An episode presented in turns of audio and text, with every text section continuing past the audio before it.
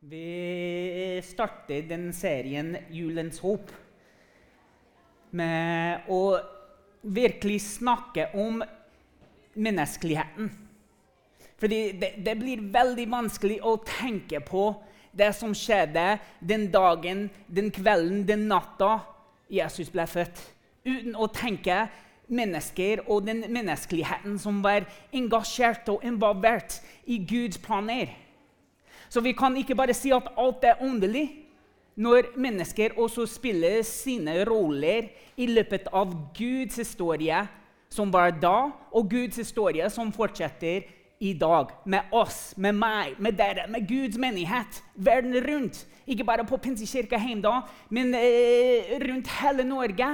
Når alle begynner å samles og tenke på julens håp, Jesus Kristus. Hva det betyr for deg, hva det betyr for familien, hva det betyr for landet vårt. Og når vi begynner å forberede oss, og her kommer mange eh, pastorer egentlig med å si hva julen egentlig handler om men, Og kanskje hva er feil med det, og hva er bra med det, men jeg tenker vi må først få, få et bilde om hva man tenker mest på når julen kommer, og når vi begynner å forberede tankene, hjertet hjemme. Det er mange dekorasjoner. Vi pynter til jul. Vi pynter huset utenfor, innenfor. Vi pynter oss med klær. Kanskje du tar noen familiebilder med sånn pysjamas og gjør det kjempestilig. Det liker mora mi å gjøre. Vi bruker tid sammen med familien, men det blir for oss som følger etter julens håp, som følger etter Jesus Kristus, umulig å forestille julaften og adventstida og denne sesongen uten Jesus og de folkene som var til stede da han ble født. Men hvordan er det med deg og ditt liv? Hvordan er det at du pynter livet ditt? Hvordan er det at du bruker livet ditt nå? Fordi For mange av oss vi, vi pynter oss på, på utesida, der folk kan se mest. Og noen ganger er det falsk hvordan vi pynter oss. Fordi Noen ganger tenker å ja, den personen, livet deres liksom, det skinner i mørket, og det er så bra og flott, og de har alt tilpassa, og alt er greit. Men det er egentlig ikke det.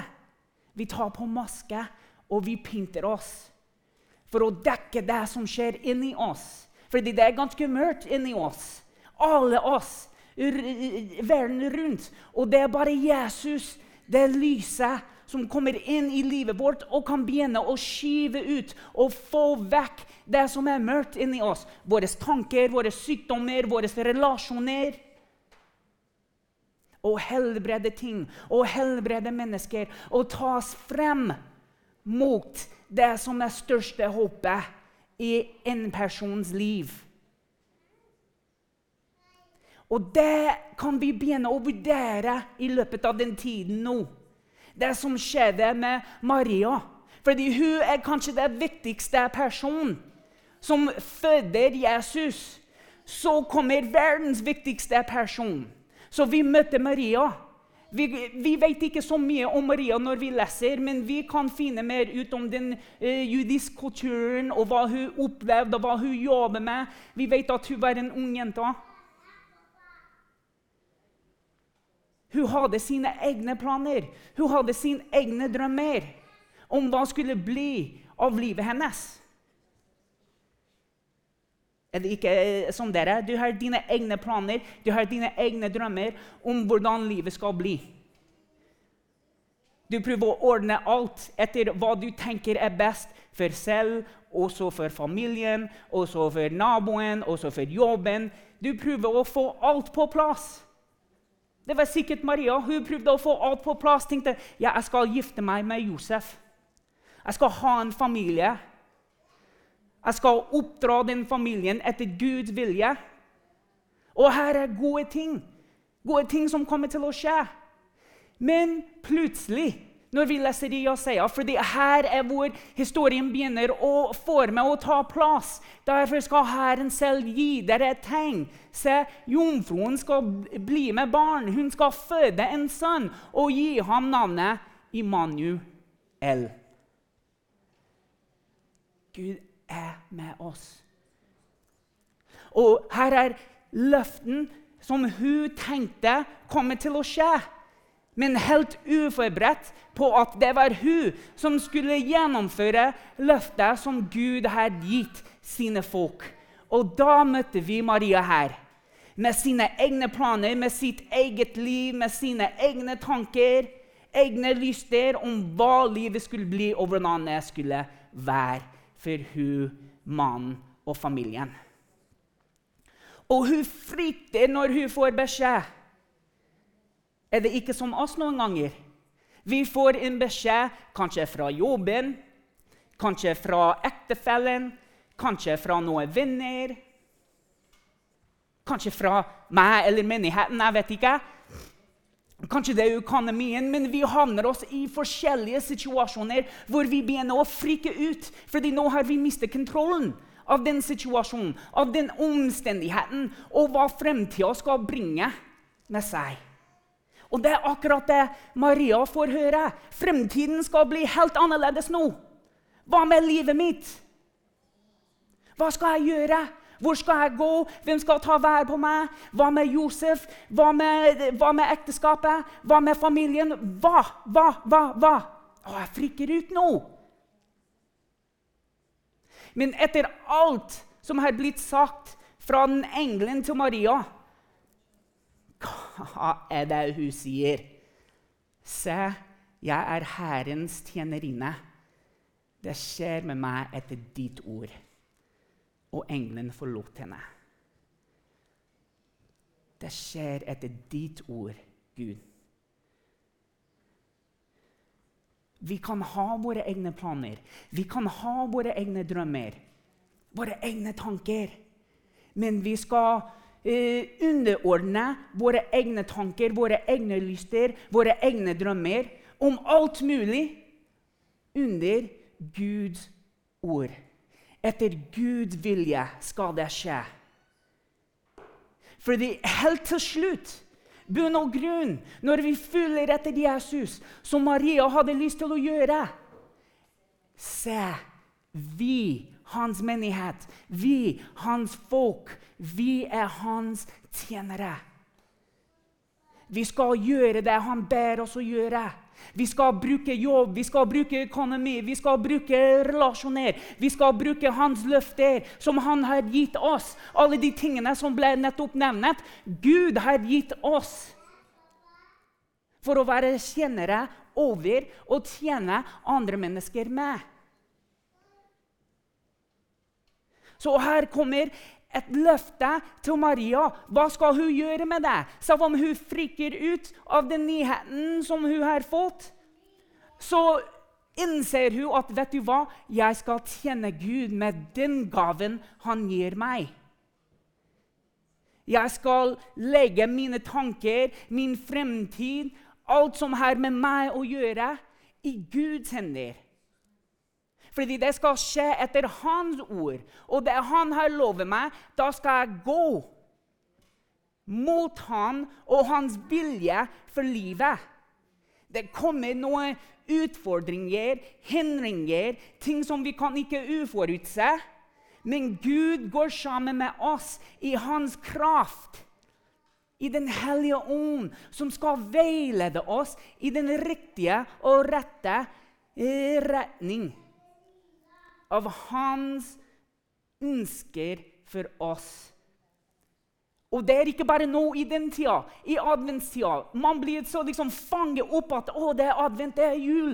Nå skal vi liksom virkelig prøve å tenke på Jesus. Men det var ikke advent i den tida. Her var det liksom en vanlig arbeidsdag for Maria. Sikkert. Og så kommer hun til et kraftig møte med Guds engel. Jeg vet ikke hvordan det ser ut for oss i dag, men kanskje du har hatt eller du kommer til å ha kraftig møte med Guds folk som skal fortelle deg om hvem du er i hans øyne.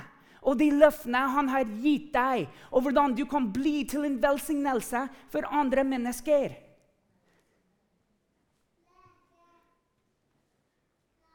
Og det skjer gjennom hele året, ikke bare i løpet av fire uker. Adventstida er noe som skal hjelpe oss forberede den ankomst av kongen som har kommet, men fortsatt lever i hver og en som tror på ham.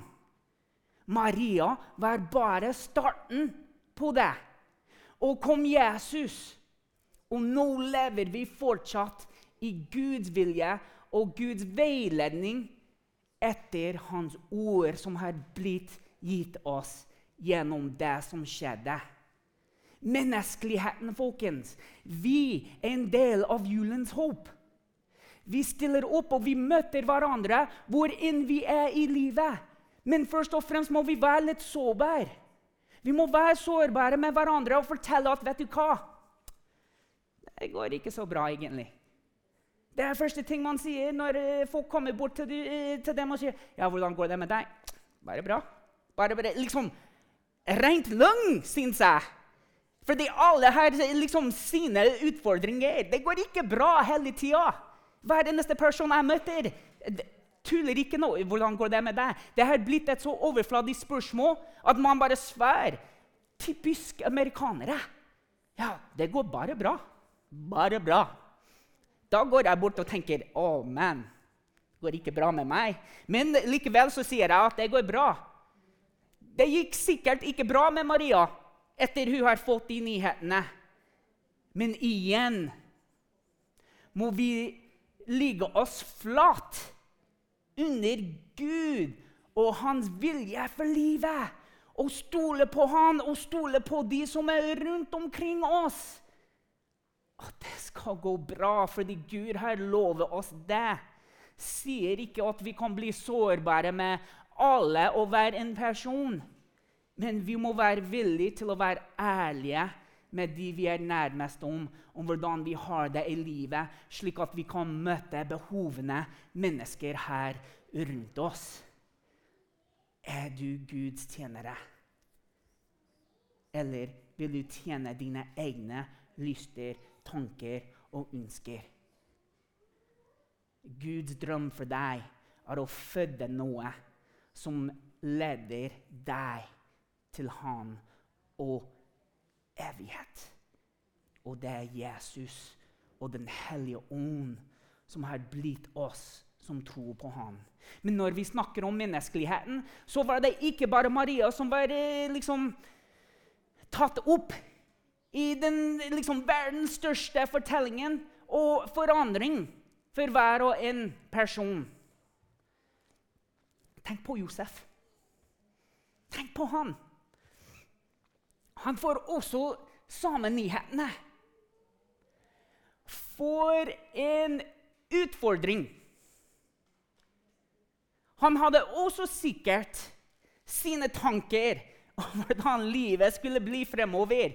Han har eh, fått seg eh, Maria. De har forlovet seg. De går frem mot eh, ekteskapet, og så ting blir forandret. Her snakker vi om en fremtid som er så uforventet for den mannen. Noen ganger er det vanskelig for oss også som mennesker å tenke på fremtida. Det er ting som har eh, skjedd i fortida, som påvirker oss i dag, og som påvirker fremtida. Og når vi begynner å tenke på fortida, så kan det begynne å dra opp noen følelser. Akkurat i den tida som vi er i nå. For noen av oss blir det første gang at vi møtte julen uten andre som har vært så nær oss. Noen av oss går mot den tida i veldig vanskelige situasjoner. Vi er langt bort fra familien vår. Vi vet ikke hva fremtiden eh, venter for oss. Vi vet ikke hvordan det går økonomisk i den tida nå. Vi vet ikke om vi har noen gode venner som kan da være på oss. Det er en tid hvor man tenker Hva det som kommer til å skje. Jeg lover at vi er ikke alene i den tida. Vi er ikke alene i hvordan vi tenker på fremtiden. Josef han også opplevde akkurat det samme. Hva blir det nå? Hvordan skal jeg oppdra Guds barn? Jeg syns det er vanskelig nok å oppdra mine barna som er ikke Guds sønn. Men her snakker vi om Jesus, som var uten syn. Sikkert hadde noe tull og teis langs veien. Han var en uh, ung gutt. Men likevel langt ifra mine tre. Selv om jeg syns de er veldig snille og fine barn. De er ikke noe Jesus. De er ikke det. Likevel får man utfordringer i oppdragelsen. Hvordan skulle Josef oppdra Jesus, Guds sønn? Kanskje verdens viktigste oppdragelse. Skulle han trekke seg ut av bildet, for det her var ikke planen min. Det er ikke som jeg eh, utforså det for meg. Jeg hadde noen forventninger Gud, om hva jeg skulle gjøre med livet, og så kommer du og dropper du bomba på meg om at jeg skal nå oppdra Jesus. Nei. Han kom til den utfordringen, møtte det. Pow! Slå det i ansiktet. Jeg tar på meg den oppdraget. Og jeg skal gjennomføre den oppdraget med glede og med et håp at Gud har utrustet meg med det jeg har behov for for å gjøre det beste jobben jeg kan gjøre. Med folk som var rundt ham, sammen med kona si. Tok de tak i den situasjonen, i den utfordringen, og det førte til den beste oppdragelse de kunne ha gjennomført som mennesker. Jeg vet, jeg vet at det er flere, inkludert meg, som møter utfordringer her og nå. Som tenker på fremtida. Hvordan skal jeg håndtere det? Hvem skal jeg gjøre det sammen med? Jeg har ikke svar på det. Jeg vet at det blir en fremtid. Men det er jeg så sikkert på at de jeg kjenner til, de som er nærmest meg, familien min, min menighet, mine venner Vi skal ta tak i hverandre, vi skal ta tak i Guds løfter, vi skal ta tak i Den hellige ånds kraft, og vi skal gå fremover og slå de utfordringene og slå fremtiden rett i ansiktet, fordi jeg vet at Gud er sammen med meg. Jeg vet at Gud går sammen med hver og en av dere som stoler på Jesus. Det er det adventstida handler om. Det er det julens håp handler om. At vi møter fremtiden med Guds håp, som er Jesus Kristus, som bor i oss, som er samlet her og nå i hans menighet. Oh, jeg har alltid vært en sånn grinch fra den tiden jeg var 18 år og så oppover. Men la meg fortelle dere hvorfor.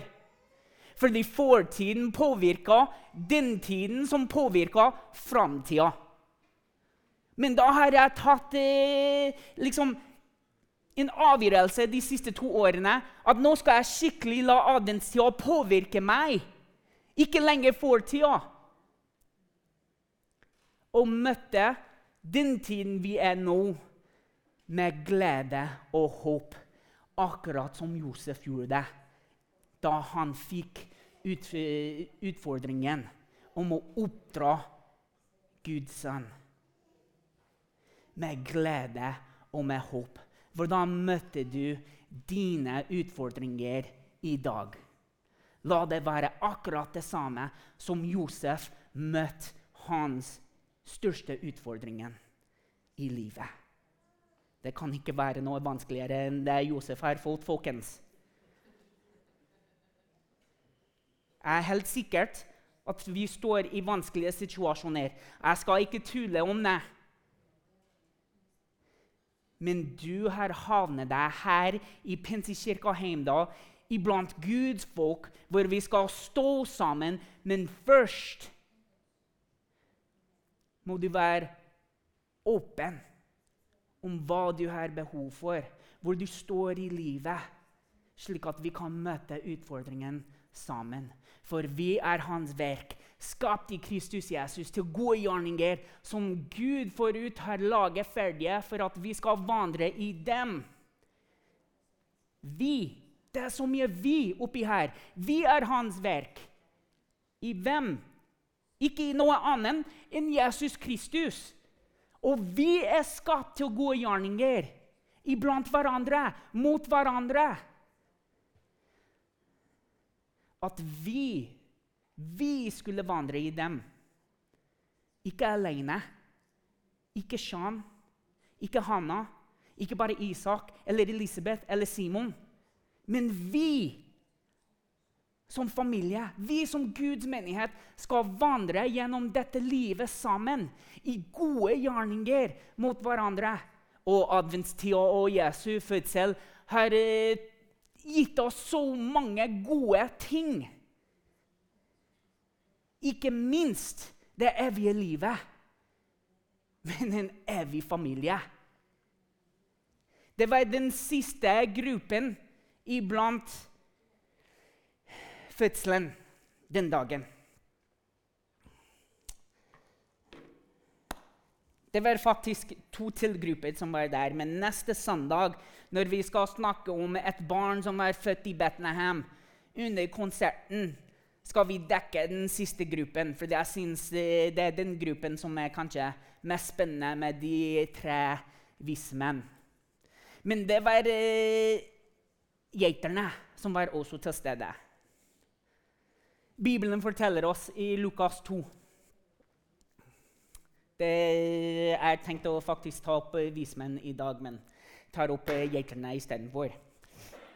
Lukas 2 så leser vi at det var eh, geitere som var ut iblant sine sauer og tok været på dem. Og vi vet at den gruppen de var helt utenfor samfunnet. De hadde liksom minst utdanning, minst økonomi. Eh, folk som holdt avstand fra dem, for å si det sånn. De var sett ned på. Og de var sikkert ute med hverandre den kvelden og bare tenkt.